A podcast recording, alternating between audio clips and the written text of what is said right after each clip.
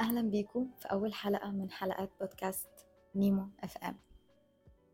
بجد حابة أشكر كل حد قرر إن هو يفتح البودكاست. بودكاست نيمو هو مكان للكتب المسموعة يعني أنا هلخص الكتاب وكمان هنشارك مع بعض التجارب والمواقف اللي ممرتش علينا مرور الكرام وحاسين إن أنتوا فعلا محتاجين تتكلموا فيها عشان هتفيد غيركم. الحاجة اللي خلتني أربط تلخيص الكتب مع المواقف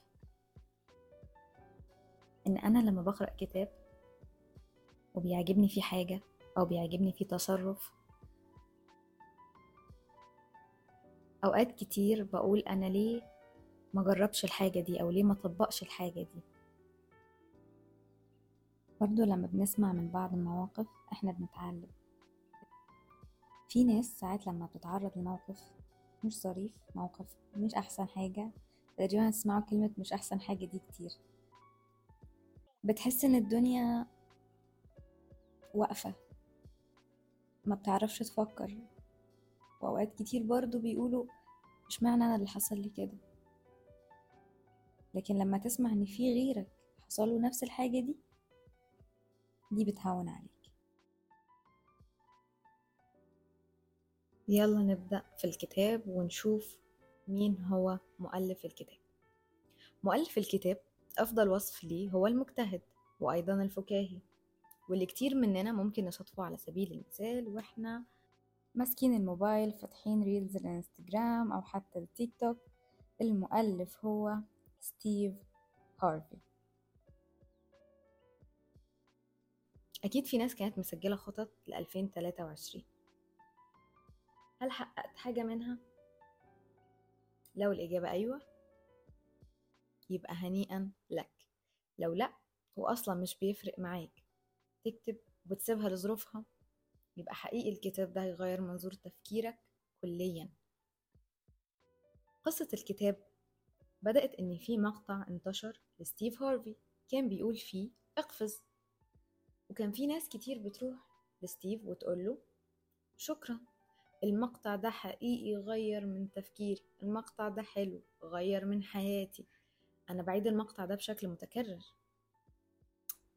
ستيف هارفي كان مستغرب اللي هو أنتوا بتقولوا إيه وإيه إقفز دي أصلا. بعدين الصورة وضحت قدامه. كان في مقطع مسرب لستيف هارفي وهو بيتكلم مع الجمهور في ال break بتاع البرنامج بتاعه. كان خطاب الموضوع إقفز المشاهدات عدت الخمسة وأربعين مليون على فيديو. بعد كده ستيف هارفي قرر إن هو يألف كتاب. طيب إيه هو محتوى الفيديو اللي حفز ستيف هارفي إن هو يألف كتاب؟ ليه الناس ممكن تشوف الفيديو ده أكتر من مرة؟ ستيف هارفي كان بيقول في الفيديو إنه مفيش إنسان مش متخيل حياته أو متصور الحياة اللي نفسه يعيشها. يمكن مش دلوقتي بس لسنين جاية. شايف نفسه في منصب معين شايف أطفاله بشكل معين أو حتى السيارة اللي بيحبها اللي نفسه يسوقها شايفها. شايف الفلوس اللي هو هيحققها. شايف شريك حياته المثالي. اللي بيدور عليه أو حتى المشروع اللي هيفتحه أو الهواية اللي هيطور من نفسه فيها وإلى آخره إحنا كلنا عندنا تصورات للحياة اللي نتمنى نعيشها في يوم من الأيام. قالك مفيش إنسان ناجح على الكون إلا وقفز للتصور اللي هو نفسه يعيشه. بيشبه كلمة إقفز بقفزة الثقة.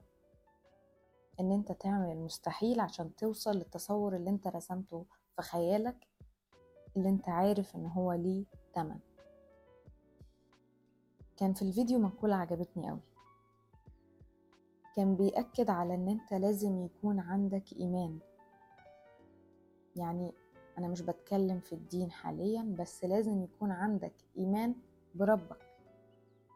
أيا كانت ديانتك.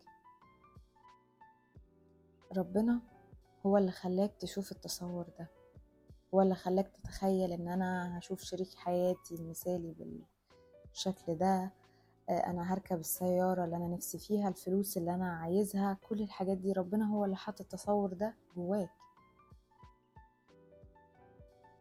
التصور اللي في دماغك مفيش أي حد قادر إن هو يشوفه غيرك. عشان كده على سبيل المثال لما تيجي تتكلم عن أحلامك أو أهدافك قدام الناس أغلبية الناس هتبدأ تناقشك أو ترفض الفكرة. السبب؟ مفيش إنسان هيتصور الفكرة زيك. وحاليا أنا مش بتكلم في صح وغلط يعني فكرتك صح أو غلط أنا مش بتكلم في ده. لأن حتى لو غلط وحد غيرك فكر فيها بنفس التفاصيل وبنفس التصور اللي أنت شايفه مش هيشوف إن هي غلط. هتلاقيه هو كمان مقتنع بيها. بيقول كمان في الكتاب إضافة للتصور اللي ربنا اداهولك بيديك معاه موهبتك. طيب ناس كتير ويمكن أنا منهم مش عارفين نحدد موهبتنا. بس حقيقي بعد الجملة دي فكرت مع نفسي شوية. الجملة بتقول إيه بقى؟ الجملة بتقول إن موهبتك هي الحاجة اللي أنت بتعملها بمنتهى الإتقان وفي أقل وقت ممكن. الهواية دي بقى أنت بتحبها أو مش بتحبها؟ هي دي حقيقي موهبتك ايا كانت هي إيه ما تشوفهاش حاجة قليلة.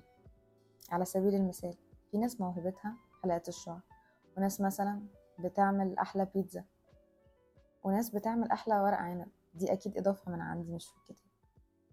أنت ممكن تشوف إن هي حاجات ملهاش أي قيمة. بغض النظر عن الموهبة موهبتك دي هتصنع لك المعجزات. بيقول كان في أيام الجامعة واحد صاحبهم دايما يروح عشان يقص العشب بتاع السيدة جونسون. دايما لما بيكونوا مع بعض وخارجين وسهرانين والقعدة حلوة لا أنا هروح عشان أنا هصحى الصبح بدري ورايا العشب بتاع السيدة جونسون. كانوا بيتريقوا عليه. سألوه بتاخد منها كام عشان تقوم كل يوم تعمل كده؟ بيقول كنا نسخر منها. والحقيقة دلوقتي الشخص ده عنده في كليفلاند شركة لقص الأعشاب قيمتها السوقية تصل إلى 400 مليون دولار. بيضيف على كلامه إن شخص تاني موهبته غسيل السيارات هو حاليا دخله في سنوي كام؟ 800 ألف دولار. فقط من مغاسل السيارات. بينهي الكلام إن هي دي الهبة اللي ربنا اداهاله عندك موهبة بتحبها أو لأ هو ده المفتاح اللي معاك اللي أنت مفروض تستغله صح. بيقولك لو أنت عارف ناس في حياتك ناجحين مش شرط فنانين أنت أكيد تعرف ناس حققت إنجازات كتير. راكب السيارة اللي هو كان نفسه فيها مثلا واحد بيغير سيارته بشكل سنوي حد تاني بيغير التليفون بتاعه مع كل موبايل جديد بينزل. الزبدة من الكلام إن كل اللي عليك إنك تؤمن بالتصور اللي في عقلك وتستغل الهدية اللي ربنا وهبها لك وتقفز قفزة الثقة نحو تحقيق هذا التصور. بعدين قال مسألة إنك تكون إنسان في دوامة الروتين وتصحى كل يوم الصبح تروح الشغل أنت غالبا مش حابه أو حتى مش شرط إن أنت مش بتحبه بس فكرة إن أنت عندك نمط ثابت نوم أكل شغل تستنى راتب آخر الشهر أو لو في علاوة. أكل نوم شغل راتب. والراتب بتصرفه عشان تستنى اللي بعده أو علاوة آخر السنة بتصرفها عشان تستنى السنة اللي بعدها وتكرر الموضوع نفس الروتين إلى آخره. بيقولك النمط ده أنت مش عايش أنت بس بتمضي حضور في الحياة بتقول أنا هنا أنا موجود. إن أنت تعيش فعلا هو لما تقفز وتاخدك المخاطر والتجارب لحد ما تاخدك للتصور اللي انت نفسك فيه. أول ما توصل للتصور ده ويتحقق أيا كان حتى لو بسيط جدا أنت كده عايش. يقولك إن أول ما تقفز الباراشوت بتاعك مش هيفتح وبيعتذر لك. ستيف بيقولك أنا آسف. الباراشوت مش هيفتح. تخيل المشاعر والخوف أنت خلاص رايح لهدفك ونطيت وخلاص الباراشوت ما فتحش. وأنت اتخبطت وتعورت ونزفت ويعني بهدلت خالص. بيقولك برغم كل ده الباراشوت هيفتح في يوم من الأيام. بيقولك بما إنك أخدت المخاطرة والتجربة لازم يفتح. آه هتتخبط شوية وأنت نازل بس هيفتح مش هتخبط في الأرض إلا والباراشوت مفتوح. بيقولك الوعد ده مش مني من رب العالمين. على شرط إن أنت ما تستسلمش ولا تفقد الإيمان. إن ربنا قادر يحقق التصور اللي أنت نفسك فيه ولا تتوقف على العمل والقفز. وبيقولك أنت ليك الاختيار يا تقفز أو تفضل ال safe side ولا هتتعور ولا هدومك هيحصل لها حاجة وتمام. بس برضو ليك وعد الباراشوت مش هيفتح ابدا. لو كنت واقف وحلمك خلاص هناك قدامك وانت ما نطتش أو ما عملتش ما ساعدش عشان توصل لحلمك الباراشوت عمره ما هيفتح. والتصور اللي في عقلك واللي على الطرف التاني من الجبل مش هتوصل له ابدا. والكلام ده حقيقي. لو عندك موهبة أو حتى حابب تنمي موهبة أو تكون أفضل عازف بيانو وأنت أصلا ولا مرة عزفت لازم تؤمن بده وتصدقه وتعمل كل حاجة ممكن توصلك للهدف. وبكده إحنا خلصنا شرح الفيديو اللي كان السبب إن ستيف هارفي ألف كتاب. هل شايفين إنه فعلا الموضوع يستحق إن هو يألف عليه كتاب؟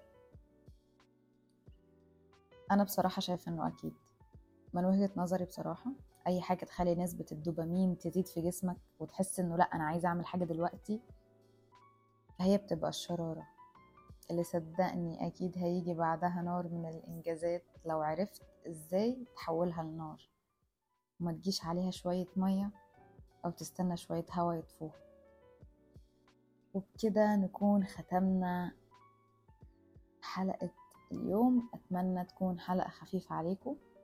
وما تنسوش أن الأفكار لازم ولا بد أن تتحول لأفعال قوية. كانت معكم نيمو. السبت الجاي إن شاء الله هنبدأ في الحلقة التانية. أي حد مر بتجربة أي حد مر بموقف بشكل عام أنا مش بحكي عن قصة نجاح وكفاح لأ. موقف بينك وبين صحابك مامتك والدك بس استفدتي من الموقف ده ابعتولي وهتبقى أول حلقة يوم الخميس اللي جاي إن شاء الله. وبكده هيبقى كل خميس هنتكلم في المواقف اللي علمتنا حاجة حابين نفيد بيها غيرنا وكل سبت مع الكتب المسموعة وهنبدأ مع كتاب اقفز جامب لستيف هارفي. كانت معكم نيمو